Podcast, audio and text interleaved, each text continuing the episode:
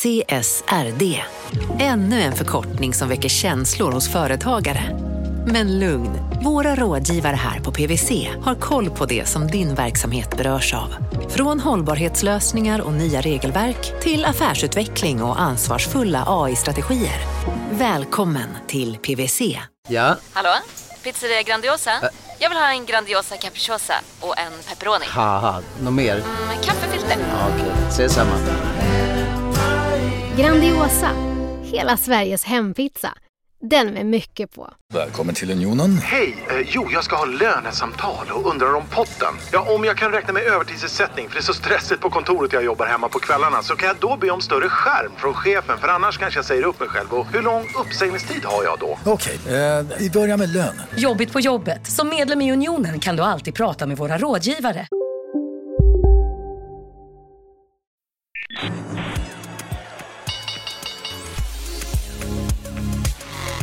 Det här är Affärsvärlden med Helene Rådstein.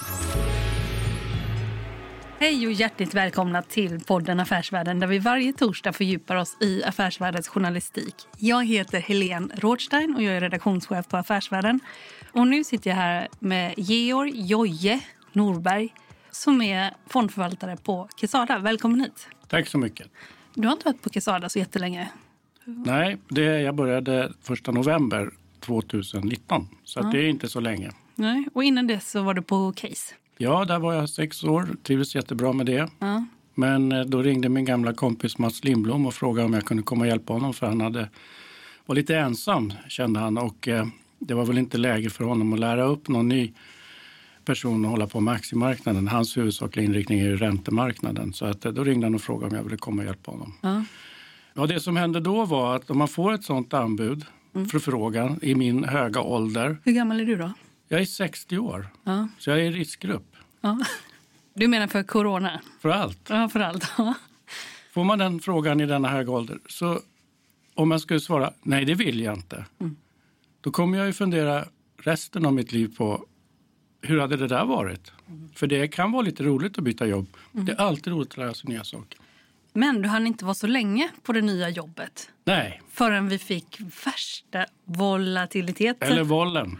Först värsta Vi kan kalla vollen. det för rörelse. Nej, Först värsta rörelserna och sen en rejäl börskrasch. Det här är väl den eh, på sitt sätt femte för min del då.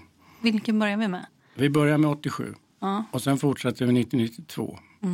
Och sedan så har vi då 2000, IT-bubblan. Och sen har vi 2008, finanskrisen. Och så nu har vi 2020, coronakrisen. Och Du har varit verksam i 40 år eller?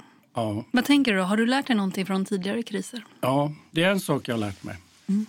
Och det är att hur mörkt det än ser ut att vara och hur otroligt mycket det är som ska hända som ska göra att allting går åt pipsvängen så kommer det inte göra det. Vi människor är så oerhört påhittiga. Vi löser alla problem till slut. Men just när man är mitt i dem så kan det kännas fruktansvärt och hopplöst. Och lite av det börjar vi känna nu. Idag är det tisdag. Och igår, måndag, så gick Dow Jones ner med 12,9 procent. Det visade sig då vara den näst största nedgången någonsin. Och den största, den har jag faktiskt fått uppleva då, det var ju då 87, den svarta måndagen, den gick ner 22,9 procent eller något sånt. Jag kommer aldrig glömma 87 när vi satt och tittade på Reuterskärmen hur det här indexet rullade neråt och det såg ut som en, det gör på gamla bensinpumpar ungefär. Det snurrade bara. Och vi tittade på varandra på kvällen när vi satt där och tittade. Vad fan är det som händer? Var satt du då? Ja, då satt jag på en liten firma som eh, hade startat upp precis.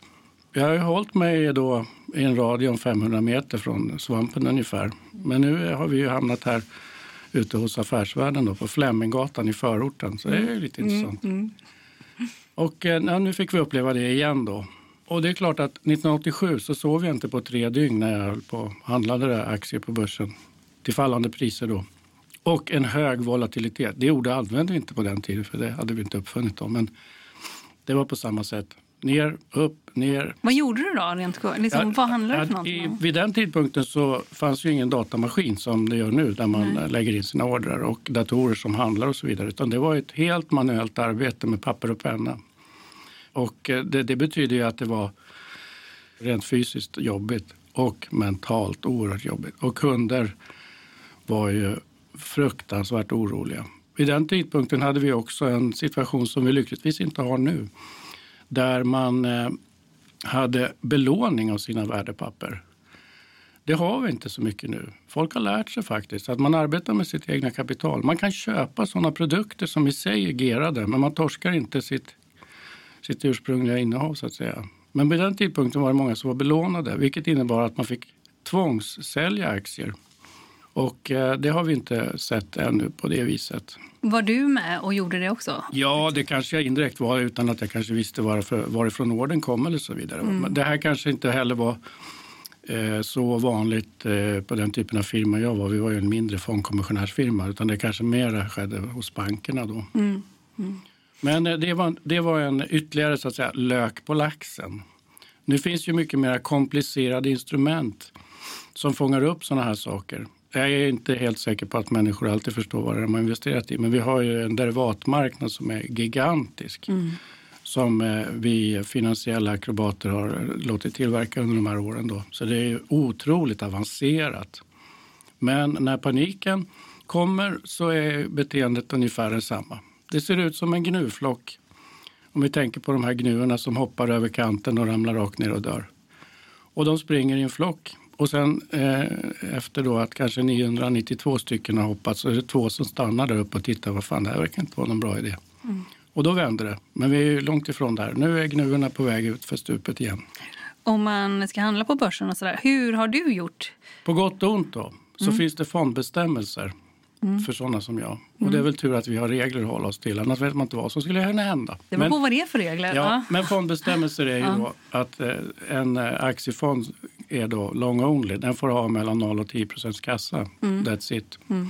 Sen kan jag ha stora bolag eller små bolag. Nu råkar jag ha då en fond med stora bolag, en fond med små bolag. Mm. Det är mitt spelrum.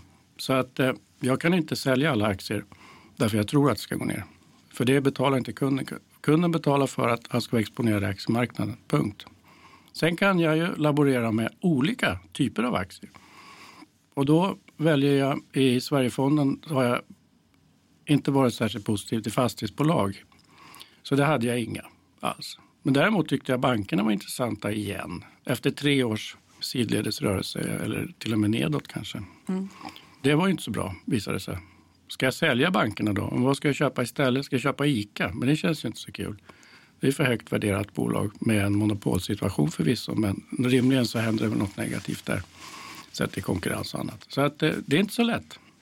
Hur har du gjort då? Ja, jag behåller de här aktierna, jag höjer kassan, hanterar, parera uttag.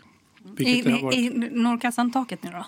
Ja, kassan har legat då bra hela tiden. Mm. Och, eh, men den pareras ju då tyvärr med uttag. För att det här blir ju väldigt oroligt så att många kunder väljer att, att ta bort sina pengar från börsen. Mm. Av olika skäl. Här tycker jag dock att de här sparekonomerna som företrädesvis är kvinnor, vilket eh, nog inte är någon slump för kvinnor är smartare än män. Det vet jag inte. Jo. Ja, ja. Det skulle jag säga. Ja. Just i den rollen är det så också. Och de här sparekonomerna har nu hållit på, ja Hemberg var ju med ett tag också, under många års tid och inpräntat budskapet att om du är på börsen så måste du se det här långsiktigt. Det är ett sparande, det är inte en spekulation. Och så därför har, tror jag, den här utbildningen som har pågått många, många år och vi har också haft några kriser, mindre sådana under den här perioden, om vi tar sedan 2008. Det här innebär att jag tror att de flesta förstår att det är risk att ha pengarna på börsen och har därför valt en strategi som då ska passa dem med vilken andel har man på, i aktier och vilken andel har man i räntor och sen har man då sin bostad och där är belåning en intressant faktor. Man kanske inte ska ha höga lån på sin bostad. Man kanske ska ha 50 procents inomläge. Mycket klokt. Och eh, man kanske ska ha bunden ränta.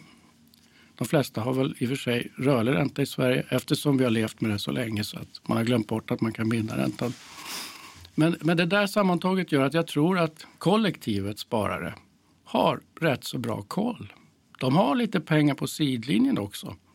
När det här så småningom, och vi har tröskat igenom det här ett tag, några veckor till, några månader till, så kanske vi ser att vi har fantastiskt fina värden på börsen. Alltså att aktierna helt enkelt, bolagen är lågt värderade.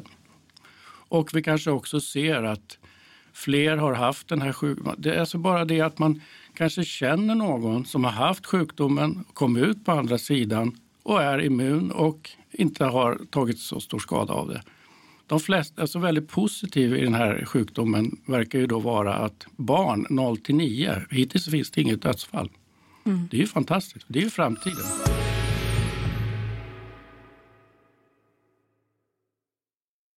Marknaden sponsras av SPP, pensionsbolaget. Eh, förra gången pratade vi lite om ITP.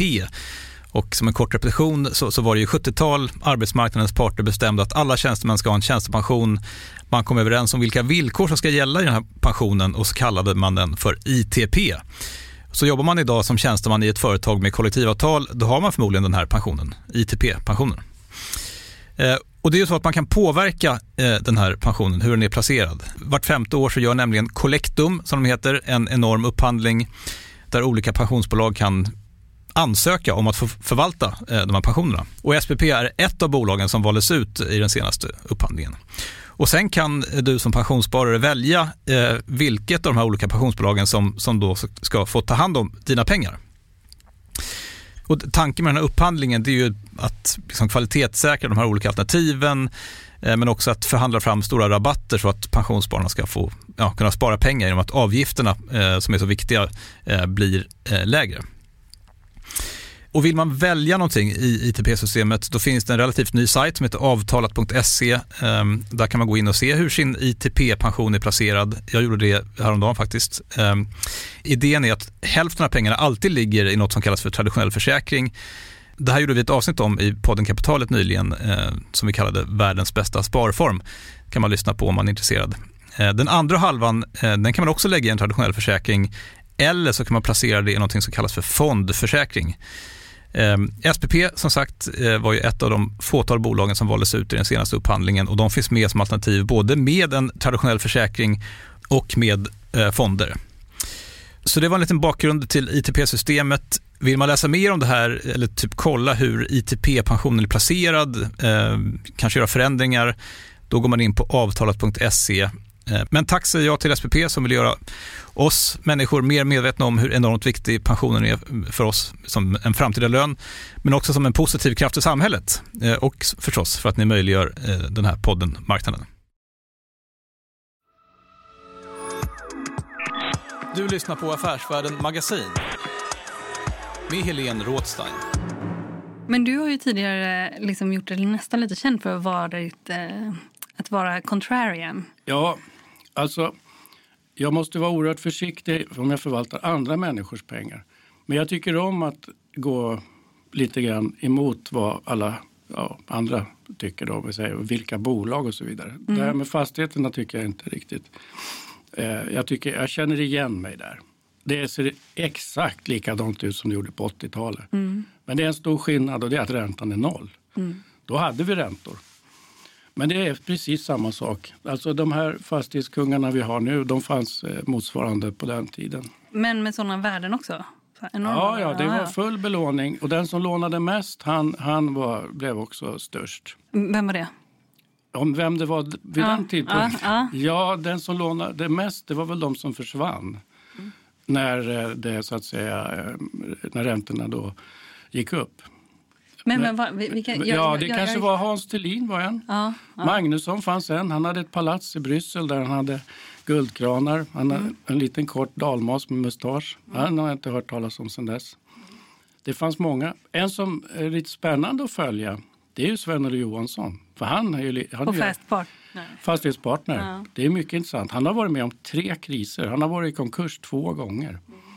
Men den här gången kommer han att klara sig. Mm, ja, det är väldigt intressant. Folk som har varit med så länge. Ja. Men hur, du har ju tidigare haft till exempel Investor. Vad har du varit ganska lång i, eller hur? Och ja. Saab. Ja. Och eh, Pioneer. till Mm. exempel. Där måste jag ju tyvärr eh, göra avbön då. Ja, Det har ju varför? inte alls fungerat. Nej. För marknaden har ju då valt att använda Veoneer som proxy på allt som är farligt med bilbranschen. Mm. Så att här orkar ingen lyfta blicken alls. Just nu handlas nog den aktien till halva sin kassa.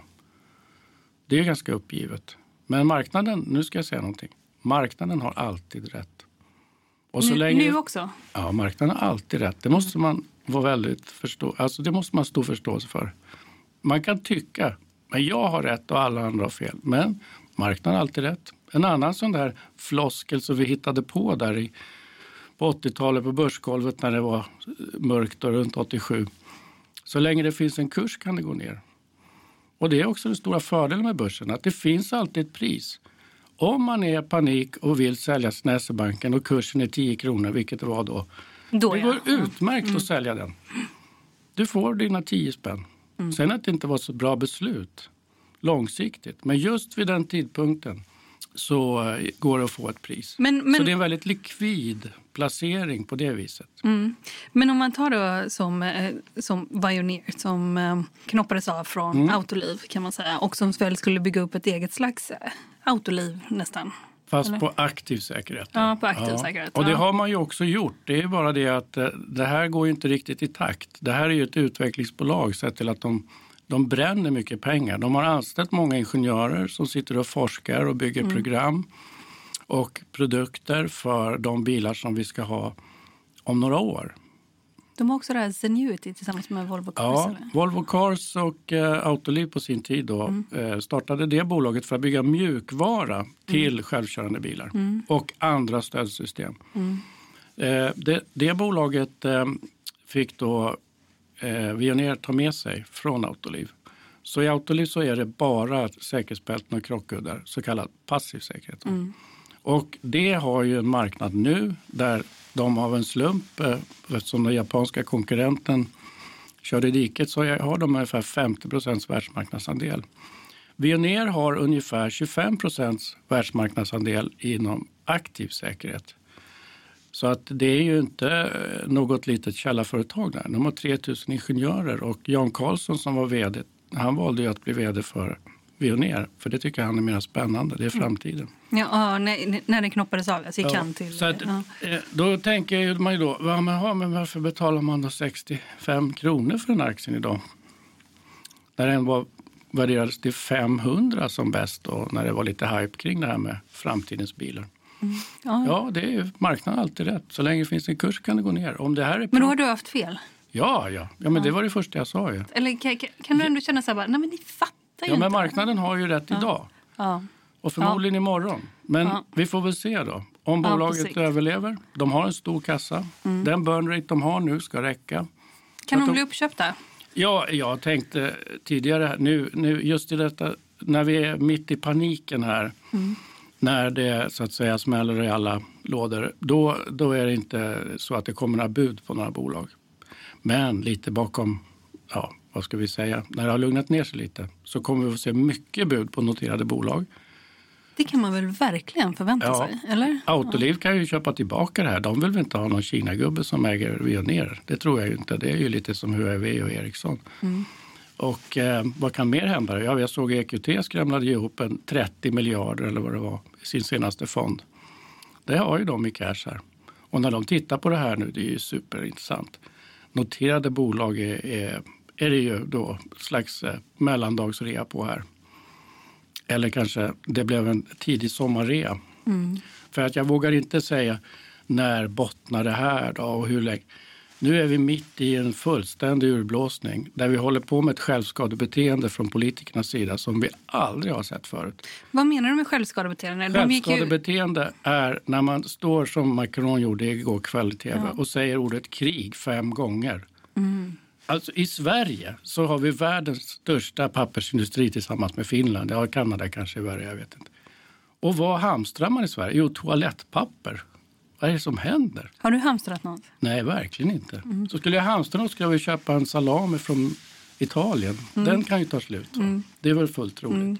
Något annat som vi har, det är vodka. Vi har hur mycket vodka som helst. Snus tror jag också vi har.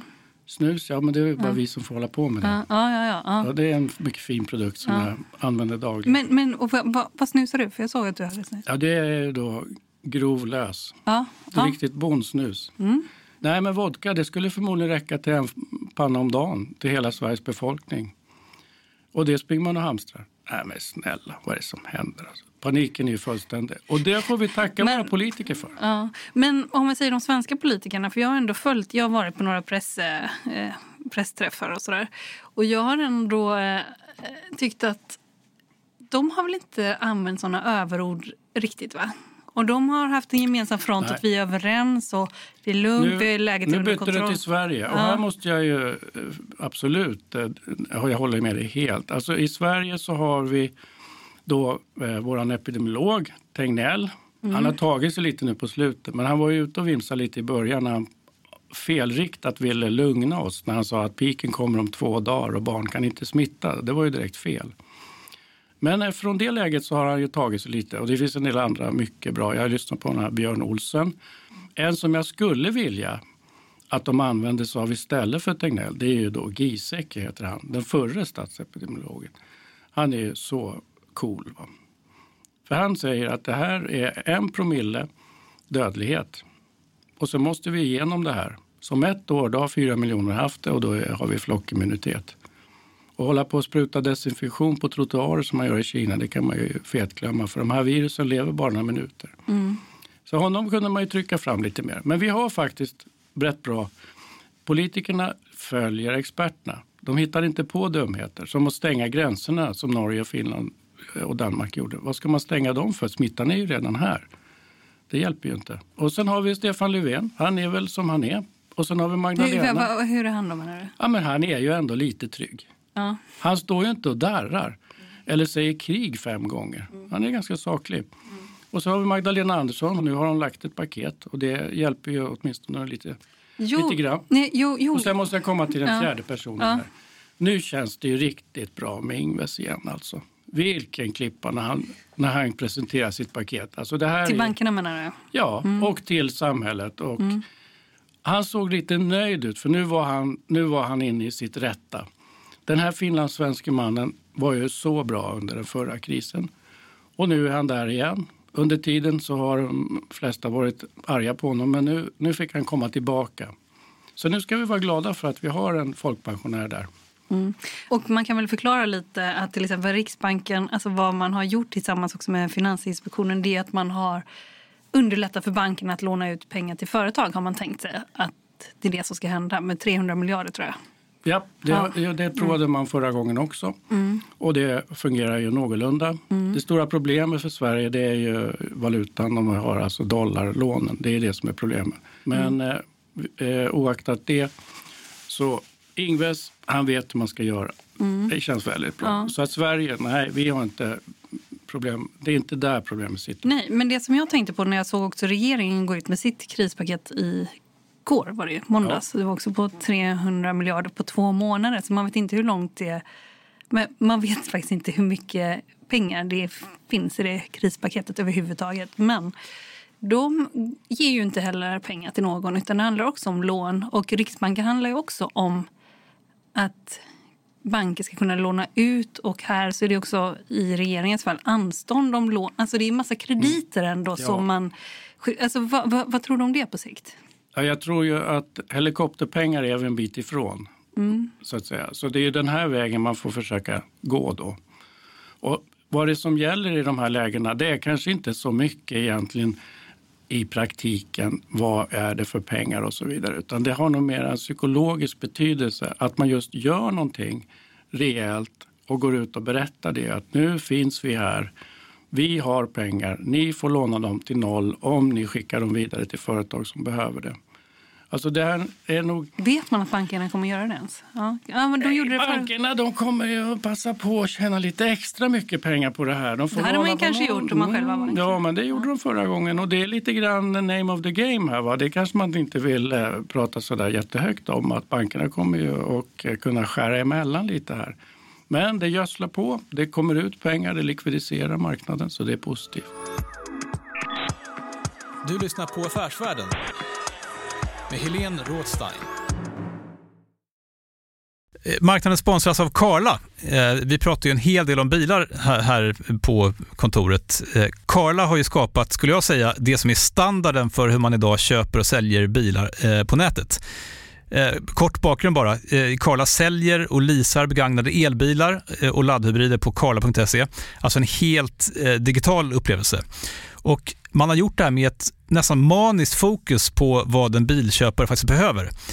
Jag gjorde ju en intervju med en av grundarna, Patrik Illerstig, i marknaden här eh, ganska nyligen, eh, daterad 25 mars, om man vill lyssna på den. Eh, men där berättar han hur de kom in i det här lite från vänster för att försöka uppfinna hela den här liksom bilköpupplevelsen från början. Och de har idag, vilket är rätt otroligt, 4,8 i betyg eh, på Trustpilot. Jag, jag har sett många företagssidor på Trustpilot, men det här är nog bland eh, det bästa jag någonsin sett faktiskt. Man kan sälja bilen till Karla också. Eh, då går man in på karla.se, delar lite info om bilen, sen får man en gratis värdering och ett bud. De hämtar bilen helt gratis i hela Sverige och så har man pengarna på kontot i samma stund som de hämtar bilen. Det är grymt. Eh, så ska du köpa en ny bil eller sälja din gamla, eller båda delar för den delen, gå in på karla.se och eh, kolla. Alltså karla.se och Karla stavas med C. Tack så mycket till Karla.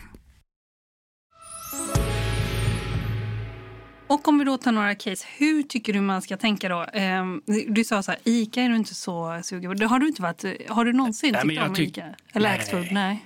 Lidl har du tyckt om? Nej, Lidl tycker jag inte alls om egentligen. Men däremot så tycker jag om deras priser. Och det är mm. någonting som är fel när priserna och marginalerna i Sverige på livsmedel är högre än någon annanstans. Det här skär man emellan lite för mycket. Så de har en överlönsamhet som egentligen inte är motiverad. Mm.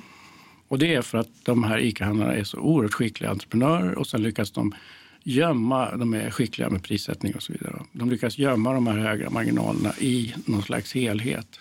Organisatoriskt är det ganska intressant. Ja, om, om, man jämför också med Coop och Ica som har liksom egna Ica-kungar liksom runt om. Ja, men jag tänker att det där måste väl komma till vägs ände någon gång. Nej, jag vet inte, för nu slukar man ju netto. Alltså man har också, jag vet inte om det går så bra för lågpris. Nej, Nej, det, det har ju visat sig vara väldigt svårt. Ja. Så att, eh, våran, eh, det är väl en kombination. Sverige är väl lite för liten marknad för att någon av de stora verkligen skulle vilja satsa här. Mm. Men du har haft Investor länge. Har du kvar det nu? I ja, absolut. Ja. Och om man inte vet vad man ska köpa nu när det blir billigt här då, så kan man alltid köpa Investor. Den blev ju billigare än vad den brukar vara. Mm. Mm. Ja, har du köpt på det där? Nej, alltså nu är, är det tyvärr så att jag förvaltar en fond. Ja. Så att det är inte så många som sätter in pengar just Nej, i dessa tider. Hur stor, hur stor Men portföljvikten bibehåller jag till att vara den största i fonden, så det är 7 procent. 7 procent. Och vad är nästa största innehav där? Eh, sen ligger det några stycken då på runt 4 och det är ABB till exempel. Ja.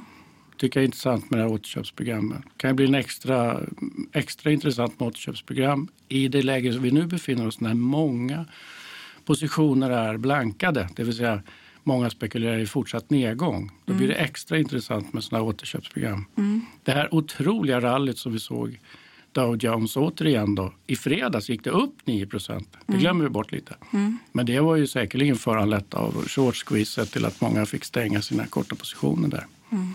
Det berodde nog inte på att Trump var ute och härjade utan det hade nog mera tekniska orsaker av det. Mm. Saab eh, så ja, har du också haft länge. Saab begriper jag faktiskt inte riktigt varför nedgången blir så stor. För det tycker jag ju... För hur har den varit på sistone? Ja, den har ju tappat eh, lika mycket som marknaden, till och med kanske mer. Mm. Och varför blir det så? Ja, jag, jag, jag, jag, har inte riktigt kommit på varför faktiskt. För att eh, deras business är ju faktiskt relativt konjunkturokänslig. Och skulle man, kan, inte kunna tro i orostider att det skulle... Till nästan... och med vara lite positivt. Ja, ja, ja, det skulle det kunna vara. Nu är det ju ett virus dock och inte tredje världskriget det här. Men, men eh, jag tänker att det, man kanske tänker att Brasilien kommer inte betala eller eh, arabländerna med oljepriset, de är, är ju rätt intresserade av vapen. Nu säljer inte Saab till Mellanöstern på det viset. Men det, om det är sådana aspekter som kommer in här. Eller om det helt enkelt bara är, vilket jag ursprungligen trodde att anledningen var att det gick så dåligt för kursen, värderingen. Det är helt enkelt det här eh, som bara blir större och större och större. Hållbarhetsfrågor. Mm. Alltså få förvaltare, fonder, institutioner får äga vapen. Ja, då åker Saab bort. Mm. Misstänker du att det är någon stor Försvars, som har sålt? Där? Försvar, ja, det gör jag absolut. Ja. AP-fonder. Vilken är det? Ja, jag, jag tror att det är kanske är flera, men eh, en någon AP-fond tror jag.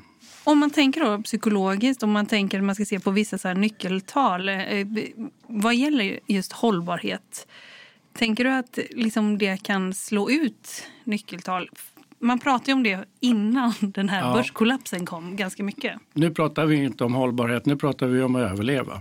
Så Ja, man byter ju precis. fokus här. Ja. Men vi är ju påhittiga vi människor. Så att vi, ska Nu pratar vi om hälsa innan hållbar. vi kan bara fokusera på en sak Ja, i taget. ja, och nu exakt. fokuserar vi på coronavirus. Mm. Så att vi har ju aldrig lärt oss så mycket om ett virus någonsin tidigare. Men när det så småningom lugnar ner sig lite här och så vidare så kommer ju ja, Miljöpartiet är lite vinnare. Det här med att flyga mindre, det kommer ju bli så. För vi kommer ju helt enkelt, priset att flyga kommer ju gå upp.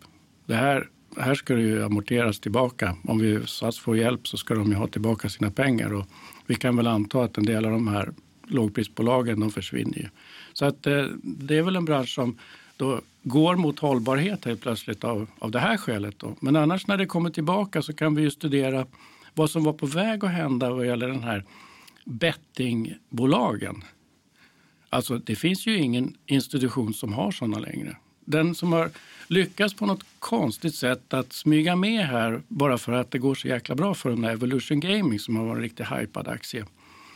Nu eh, så kommer väl även den att eh, drabbas av hållbarhetspeststämpeln. Eh, Så att eh, den, den flyger nog inte så högt som den har gjort. Dessutom får de nog konkurrenter. Men, men hur har du själv tänkt eh, kring Ja, hållbarhet? För om flödena går åt ett håll och du Ja. är fondförvaltare, då måste du ta hänsyn till det. Jag tänker att Saab är ett försvarsföretag. Mm. Så, att, eh, så tänker jag på den. Sen så bettingbolag, det, det gillar jag inte. Och eh, sen var det ett annat eh, kluster. Varför inte? Därför att jag provade att spela på kasino. Jag blev ju toksåld direkt. Det där var ju livsfarligt. Nu Hur, hur, hur mycket han försvinna Nej, inte, inte mycket. Men några tusen liksom? Ja, absolut. Några Alltså tusenlappar. Några tusen på några, någon Nej, timme? det var, nej, nej. Alltså jag, jag satte mig in i det när det var nytt det här. För jag ville ju se då hur Net Entertainments programvara fungerade, hur hela processen var och så vidare. Mm. Jag har ingenting principiellt emot när man spelar på fotbollsmatcher och så vidare. Mm. Det, där krävs det ju någon slags aktiv tanke. Men det jag var lite intresserad av det var det här nya med kasino. Så då, då öppnade jag konto och spelade. Och så. Men sen upptäckte jag att jag, jag blev ju alldeles eh, fascinerad av det där. På ett alldeles olönsamt sätt. Nästan som folk kan bli med Instagram, sociala medier. Alltså, det Ja, men det kostar ju inga pengar. Va? Nej. Problemet med det här var ju att om du, om du då inte har några pengar Mm. och så spelar du kasino när du sitter på bussen hem och så kommer det upp en ruta från något av de här sms-lånebankerna. Du vill ha mera pengar. Du kan få låna 5 000 här eller 10 000. Trycker man där så får man 5 000. Spelar man bort dem, då är man skyldig 5 000 till en ohemul ränta. Och är du då en, en eh, vanlig inkomsttagare eller ja, med din hyra och så vidare så kan det ju bli en personlig tragedi. Så jag, nej, jag känner bara det där, det där är lite för bra för att finnas på internet. Människor kan inte hantera det så att, Mm. nej, jag valde bort dem. Så det blev ju lite hållbart då, Mm. visade det sig. Mm. Och eh, det var ju fel de första åren men nu har det ju varit eh, godnatt för de här bolagen. Mm. Och de kommer, att, de kommer att pressa bort dem ifrån myndigheternas sida. Så finns det ju sådana som säger ja men Svenska Spel då, de tillhandahåller det där. Ja, fast så fort de här andra är borta så kan de lägga ner det skitet. Alltså lite så här lotteri och grejer, det, det, det kan man ju hålla på med. Och Mm. Stryktipset. Mm. Men, men om man tänker då som masspsykologi, då säger marknaden alltid rätt. Men det kan också vara liksom att man går åt ett håll. Om man ser till demokratier till exempel så behöver ju en demokrati, de behöver inte alltid ha röstat rätt. Eller vad man ska Nej. säga. Alltså om man tittar också historiskt, även om man tänker att majoriteten bestämmer ju vad som Du- gäller. Eller du måste väl ändå förhålla dig till det som handlare menar du kanske? Mm. Att, eh, Ja, men det här uttrycket marknaden har alltid rätt. Det är väl mera ett sätt att försöka vara lite ödmjuk. För att om du är analytiker och så har du räknat ut hur det här ska bli och sen så blir det någonting helt annat. Då, eh, då får man ju så att säga mm, ja, gömma sig bakom eller helt enkelt inse att nej, marknaden har rätt. mm, Sen kan ju marknaden, visade sig, ha fel. mm. Och i sådana här krislägen, då har marknaden ofta fel när du tittar framåt lite sm- småningom. Då. Mm. Men även i uppåtgående läge, och om man också det som vi pratade om här innan, innan den här kraschen, att man var på väg kanske mot en hållbarhetsbubbla. Liksom, det är också mass... Ja, men där var vi nog inte riktigt. Däremot så var vi på väg vilket vi nu håller på och löser. Då. Eh, så på grund av de här låga räntorna så har vi skapat en eh, enorm räntebubbla. Alltså skuldberget. Vi har ju lånat så in i helsike mycket pengar. I Sverige så säger vi, ja Magdalena säger vi har så bra statsfinanser. Ja visst, men skulden ligger hos kommuner och landsting och hos privatpersoner. Hushållen. Mm, precis. Mm. Staten vi, har inte så mycket skulder men nej, på totalen medborgarna har, Vi har samma som alla andra förutom Japan som har en halv, en halv mm. gång mer. Mm. Är du orolig för det nu? Ja, det är Om vi har otur, om politikerna sjabblar, vilket de hittills har gjort eftersom de säger krig fem gånger. Nej, men inte svenska politiker. Nej, men, men, men i Frankrike, ja. men Sverige så litet. Ja. Vi åker längst bak i bussen. Ja. Det är de stora grabbarna här. Skulle Trump börja säga att vi har krig mot virus. Alltså i USA så hamstrar de toalettpapper, men de hamstrar ju vapen också. Alltså mm. det här kan ju gå fullständigt jo, basok utan att man egentligen utan att det var något annat än ett virus från början. Mm. Mm. Jo, för... Så hållbarheten, den har ju ändå något slags gott med sig. Mm. Det, så det skulle jag väl inte framhålla som ett problem. Däremot eh, den långa eh, oavbrutna nedgången i räntor. Det har skapat en falsk säkerhet och man har glömt bort vad ett lån är. Det är bara att ta mera lån. Eh, där, där kan man väl på sitt sätt, om vi har lite tur, se den här krisen som någonting som rensar upp det där. Eller åtminstone sätter fingret på det och kanske vi börjar tänka på det. Har vi otur så får vi hela det här skuldberget tillbaka som en boomerang och då kan det bli många tuffa år framåt. Vad tror du? Jag vet faktiskt inte. Georg Norberg ja. från Quesada. Tack för att du kom med och var med i podden Affärsvärlden. Tack så mycket. Du har lyssnat på podden Affärsvärlden som utkommer varje torsdag och vi fördjupar oss i affärsvärldens journalistik. Det händer så otroligt mycket i vår omvärld just nu. Så håll utkik varje dag, typ varje timme på affärsvärlden.se. För där hittar du oss enklast. Och podden Affärsvärlden, den är tillbaka om en vecka. Håll ut!